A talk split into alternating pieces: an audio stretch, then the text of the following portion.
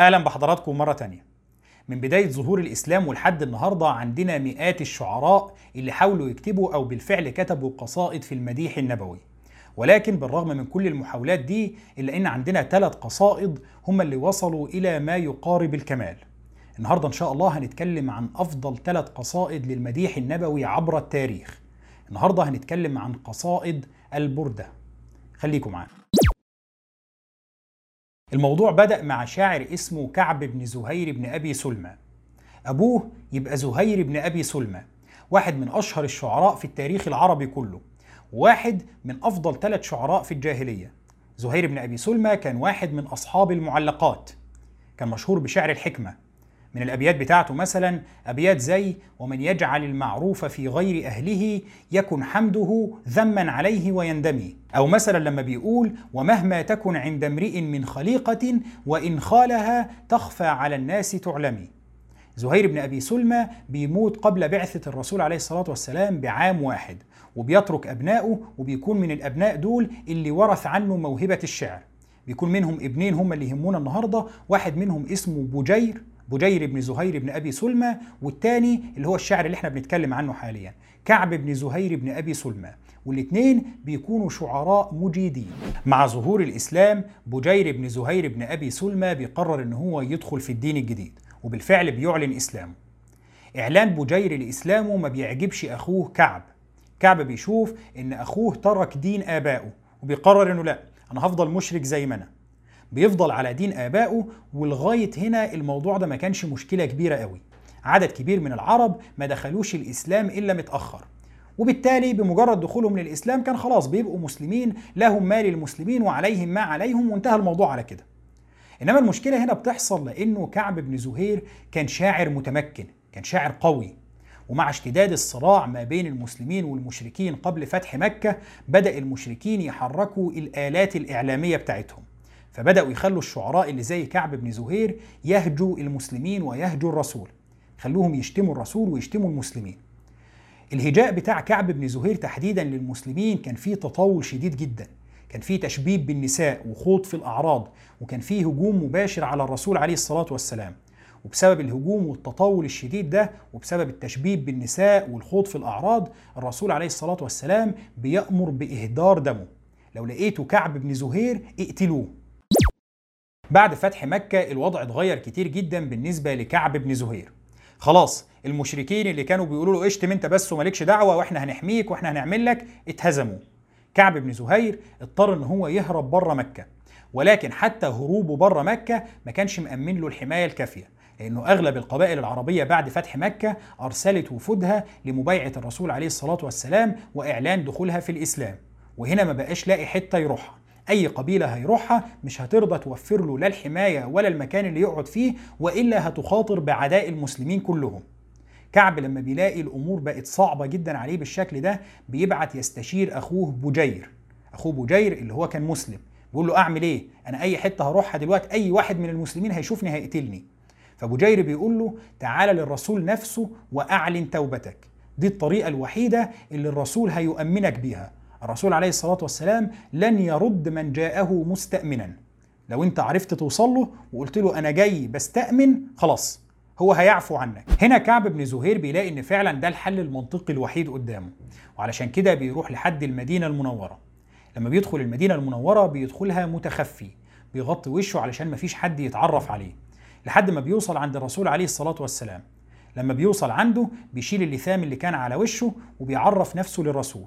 بيطلب منه الأمان والعفو وبيعلن إن هو جاء نادما ومتبرئا من أشعاره التي قالها سابقا. يقول له أنا خلاص يعني أنا ندمان على اللي أنا عملته قبل كده وجئت طالبا الأمان. الرسول عليه الصلاة والسلام بيمنحه الأمان وبيعفو عنه. واحد من الأنصار بيحاول يطلب من الرسول الإذن إن هو يقتله ولكن الرسول بيمنعه. خلاص ما دام جه هنا وطلب الأمان خلاص الرسول عليه الصلاة والسلام بيمنحه الأمان ده. كعب بن زهير هنا لما بياخد الأمان من الرسول عليه الصلاة والسلام بيجلس وبيبدأ في إنشاد قصيدة كان محضرها علشان يقولها في المناسبة دي. القصيدة دي اللي مطلعها بانت سعاد فقلبي اليوم متبول متيم إثرها لم يفد مكبول. في القصيدة دي كعب بن زهير بيمشي على تقاليد الشعر العربي زي ما الكتاب بيقول. القصيدة دي قصيدة قيلت في المديح النبوي ولكن كعب بن زهير ملوش دعوة. الفكرة إن دي قصيدة عربية هكتبها زي القصائد العربية الكلاسيكية ما بتتكتب. الشاعر العربي لما بيجي يكتب قصيدة ما بيدخلش في الموضوع على طول. يعني لو القصيدة في مديح شخص معين ما بيدخلش من بداية القصيدة يمدحه. ولكن لازم يمهد للموضوع أو يستهل القصيدة بموضوع تاني. وبعد كده ينتقل تدريجيا للموضوع الأساسي اللي هو موضوع المديح. هنا كعب بن زهير بيمشي على نفس التقاليد دي. أهم الاستهلالات للقصائد العربية أو أهم طريقة الشعراء العرب كانوا بيبدأوا بيها القصائد بتاعتهم هي الغزل أو البكاء على الأطلال. وهنا كعب بن زهير بيختار إن هو يبدأ بالغزل وبيبدأ فعلا القصيدة بتاعته بالحديث عن سعاد. بيوصف سعاد محبوبته وبيبدأ يتغزل فيها ويتكلم عن حبه ليها وبعد ما بيبدأ بالغزل ويتكلم عنها شوية بيبدأ ينتقل تدريجيا إلى مديح الرسول. حتى الانتقال ده ما بيتمش فجأة ولكن بيكون في موضوع تاني بعد الغزل اللي هو موضوع وصف الناقة. قصيدة عربية زي الكتاب ما بيقول قصيدة تقليدية كلاسيكية جدا. تقاليد القصيدة العربية تم مراعاتها في قصيدة كعب بمنتهى الدقة. ورغم كده الرسول عليه الصلاة والسلام استمع للقصيدة داخل المسجد النبوي بعد صلاة الفجر ولم ينكر على كعب. ما قالوش إيه اللي أنت جاي تقوله ده؟ ولا سعاد مين اللي أنت بتتكلم عنها؟ اطلاقا. القصيدة اتقالت والرسول استمع من بداية وصفه لسعاد لحد ما انتقل إلى وصفه للناقة وبعد كده انتقاله إلى مديح الرسول والاعتذار له. القصيدة بتكون تحفة أدبية سواء في أبيات الغزل أو في وصف الناقة أو لما بيوصل للغرض الأساسي من القصيدة وهو مديح الرسول عليه الصلاة والسلام. مثلا لما بيقول إن الرسول لنور يستضاء به مهند من سيوف الله مسلول. بعد انتهاء القصيدة الرسول عليه الصلاة والسلام بيكون معجب بيها لدرجة إن هو بيخلع العباءة اللي كان لابسها وبيلبسها لكعب بن زهير كعلامة على استحسانه للقصيدة ورضاه عنها. العباءة دي اللي هي اسمها البردة. وعلشان كده القصيدة دي بتكتسب لقب بردة كعب أو قصيدة البردة اللي هي القصيدة اللي لما أنشدها كعب في حضرة الرسول الرسول عليه الصلاة والسلام خلع العباءة بتاعته ولبسها لكعب. خلع البردة بتاعته ولبسها لكعب كعلامة على استحسانه لها. هنا ما يفوتناش نقطتين مهمين. النقطة الأولى هي مصير العباءة أو البردة نفسها. البردة اللي الرسول منحها لكعب بن زهير. إيه اللي حصل فيها؟ البردة دي فضلت في حيازة كعب بن زهير حتى وفاته. وبعد ما مات الورثة بتوعه باعوها لمعاوية بن أبي سفيان. تقريبا ب ألف درهم. بعد كده البردة دي فضلت في حيازة خلفاء بني أمية بيتوارثوها حتى انتهاء الخلافة الأموية. وفيما بعد حصل عليها خلفاء العباسيين. فضلت في حيازة العباسيين حتى سقوط الخلافة العباسية. وبعد كده على أغلب الأقوال انتقلت إلى العثمانيين. وما زالت موجودة في إسطنبول لحد النهاردة. ده على أرجح الأقوال. لأن في رأي تاني بيقول إن البردة الموجودة في إسطنبول حاليا ليست بردة كعب. هي واحدة من عباءات الرسول عليه الصلاة والسلام ولكنها ليست البردة التي منحت لكعب بن زهير.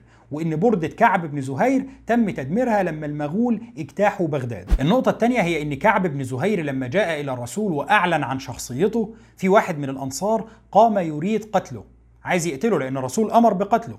ولكن الرسول أعطى لكعب الأمان. هنا في رواية بتقول إن كعب بن زهير كان محضر القصيدة بتاعته بحيث إن هو بعد ما ينتهي من مديح الرسول هيقول أبيات يمتدح فيها المهاجرين وبعد كده يقول أبيات تانية يمتدح فيها الأنصار. ولكن لما لقى واحد من الأنصار واقف وعايز يقتله والرسول هو اللي منعه اكتفى بذكر الأبيات اللي مدح فيها الرسول وبعد كده الأبيات اللي مدح فيها المهاجرين من قريش ولم يرد على ذكر الأبيات التي يمدح فيها الأنصار. ما قالش الأبيات دي وعلشان كده فعلا القصيدة بتنتهي بعد مديح الرسول بمديح المهاجرين من قريش. بردة كعب بن زهير فضلت سيدة المديح النبوي بلا منازع أكتر من 600 سنة. 600 سنة شعراء كتير بيحاولوا يمدحوا الرسول ولكن ولا واحد منهم قدر يوصل للمستوى اللي اتقال في قصيدة كعب بن زهير. لكن بعد 600 سنة تقريبا في القرن ال 13 الميلادي في مصر في فترة حكم الدولة الأيوبية وبدايات حكم المماليك بدأت تظهر قصائد تانية ممكن تنافس قصيدة البردة. ظهر عندنا اثنين شعراء مهمين هيكون لهم دور مهم جدا في قصائد المديح النبوي. الشاعر الأول اللي هنتكلم عنه النهارده هو ابن الفارض. مش هنتكلم عنه كتير لأنه هو ملوش دور محوري في القصائد التي تحمل اسم البردة ولكن اللي يهمنا نعرفه إن هو كتب قصيدة في المديح النبوي مطلعها هل نار ليلى بدت ليلا بذي سلمي. القصيدة دي يعني مش الأشهر في قصائد المديح النبوي ما هيش واحدة من القصائد التي حملت لقب البردة ومش من القصائد اللي إحنا بنتكلم عنها النهارده. ولكن تهمنا لأن هي سبقت بفارق زمني بسيط جدا وألهمت الشاعر الثاني واللي كان له أكبر دور في تاريخ قصائد البردة. الشاعر الثاني واللي ظهر في نفس الفترة الزمنية هو الشاعر اللي كتب أشهر قصيدة حملت اسم البردة في تاريخ المديح النبوي. شاعر مولود في مصر في بني سويف ولكن أسرته بتنتمي إلى أصول مغربية أصوله من المغرب العربي من قبيلة صنهاجة على وجه التحديد. الشاعر ده هو الإمام البوصيري. القصة اللي بيحكيها الإمام البوصيري نفسه هي إنه كان مريض أصابه الفالج كان جاله شلل نصفي. وإن هو لما جاله الشلل ده وبقى قعيد ومش قادر يتحرك فكر إن هو يكتب قصيدة في مديح الرسول عليه الصلاة والسلام. هنا الإمام البوصيري بدأ فعلا في نظم القصيدة ولما انتهى من نظمها وبقت الأبيات بتاعتها مكتملة رأى الرسول عليه الصلاة والسلام في المنام. لما رأى الرسول بدأ ينشد أمامه القصيدة بتاعته. فلما انتهى من إنشاد القصيدة الرسول عليه الصلاة والسلام خلع بردته وطرحها عليه. لبسه العباية بتاعته. فانتبه الرجل من نومه. الإمام البصيري صحى من النوم لقى نفسه خف. بغض النظر عن القصة المرتبطة بكتابة القصيدة لكن قصيدة البردة للبصيري هي واحدة من أروع قصائد المديح التي كتبت في تاريخ اللغة العربية على الإطلاق. تحفة فنية لا تضاهيها قصيدة مديح نبوي تانية اتكتبت لا قبلها ولا بعدها. قصيدة البردة للبصيري هي بنفس وزن وقافية قصيدة ابن الفارض. مطلع قصيدة ابن الفارض اللي هو هل نار ليلى بدت ليلا بذي سلمي بينما مطلع قصيدة البصيري أمن تذكر جيران بذي سلمي مزجت دمعا جرى من مقلة بدمي البصيري بيقسم القصيدة بتاعته لعشر أجزاء. كل جزء بيناقش فيه فكرة معينة وبيعتبر كوحدة مستقلة. بداية القصيدة بتكون في الغزل جريا على عادة القصائد العربية في المديح. ولكنه هنا بيكون غزل مؤدب وعفيف وعابر. يعني مجرد إن هو حطه التزاما بالشكل التقليدي للقصيدة. ولكن بيكون واضح إنه دي حاجة عابرة. خلينا بس نخلص من كلمتين الغزل دول علشان ندخل في الموضوع. وبعد كده بيبدأ ينتقل تدريجيا للرسول ولمديحه وللدفاع عنه. القصيدة بتكون من عشر أقسام زي ما قلنا أو من عشر أجزاء. كل جزء بيناقش فكرة معينة ولكنها بتكون الأروع في قصائد المديح. من الأبيات المشهورة في القصيدة دي بيت مثلا زي محمد سيد الكونين والثقلين والفريقين من عرب ومن عجم أو مثلا بيت زي فمبلغ العلم فيه أنه بشر وأنه خير خلق الله كلهم. قصيدة البصيري هي الأشهر والأكثر انتشارا بين كل قصائد المديح النبوي. يعني لو قلنا كلمة البردة بدون ما نحدد إحنا بنتكلم عن أي شاعر فده معناه إن إحنا بنتكلم عن قصيدة الإمام البصيري بينما لو إحنا بنتكلم عن قصيدة كعب بن زهير بنقول عنها بردة كعب. لكن اللقب على إطلاقه كلمة قصيدة البردة بدون ما نحدد أي شاعر بيكون معناه إن إحنا بنتكلم عن الإمام البصيري عموما رغم كل الروعة اللي في القصيدة دي ورغم إن هي الأشهر والأكثر انتشارا إلا إن ده لم يمنع إن في كثير من الانتقادات الموجهة لبردة الإمام البوصيري تحديدا. الانتقادات دي كلها مرتكزة على إن فيها غلو في المديح في بعض الأبيات وإن في بعض الأبيات فيها مبالغات قد تكون غير مقبولة. بعد قصيدة الإمام البوصيري الشعر العربي لازم ينتظر 600 سنة كمان. 600 سنة لحد ما بتظهر قصيدة جديدة تداني القصيدتين اللي قبلها في المستوى. المرة دي برضو بيكون الشاعر مصري ولكنه هنا بيكون من أصول تركية وليست من أصول مغربية زي الإمام البوصيري. الشاعر ده أسطورة الشعر العربي في العصر الحديث أمير الشعراء أحمد بيك شوقي. أحمد شوقي بيكتب قصيدة على نفس وزن وقافية البردة للإمام البوصيري ولكنه بيسميها نهج البردة. قصيدة أحمد شوقي بتبدأ برضه بالغزل زيها زي القصيدتين اللي قبلها. ولكن بداية أحمد شوقي في الغزل بتكون بداية قوية جدا. الأبيات بتاعته في الغزل تعتبر هي الأقوى بين الثلاث قصائد. مطلع قصيدة أحمد شوقي بيكون ريم على القاع بين البان والعلم أحل سفك دمي في الأشهر الحرم بعد انتهائه من الغزل بينتقل أحمد شوقي تدريجيا لمناقشة نفس الموضوعات اللي ناقشها الإمام البوصيري تقريبا. رغم كده أحمد شوقي بيعترف داخل أبيات القصيدة دي بالتفوق للإمام البوصيري وبيقول إن هو مجرد تلميذ بيحاول بس يحط اسمه جنب اسم الإمام البوصيري. بالرغم من كده قصيدة أحمد شوقي بتكون واحدة من أروع قصائد المديح النبوي التي كتبت عبر التاريخ. وتداني في مستواها قصيدة كعب بن زهير أو قصيدة الإمام البوصيري. بل وفي بعض المناطق ممكن تتفوق عليهم. عموما بعد كتابة القصيدة دي بيكون عندنا ثلاث قصائد هم الأروع والأعلى شأنا بين كل قصائد المديح النبوي التي تم كتابتها على مدى 1400 سنة. قصيدة بردة كعب وقصيدة البردة للإمام البصيري وقصيدة نهج البردة لأحمد شوقي. ابن الفارض بيقول في قصيدته ولائما لامني في حبهم سفها كف الملام فلو أحببت لم تلمي. بينما الإمام البصيري بيقول في قصيدته يا لائمي في الهوى العذري معذرة مني إليك ولو أنصفت لم تلمي.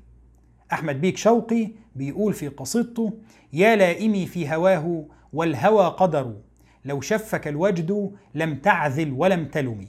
شكرا لحضراتكم. إن شاء الله نشوف حضراتكم الأسبوع اللي جاي في موضوع جديد.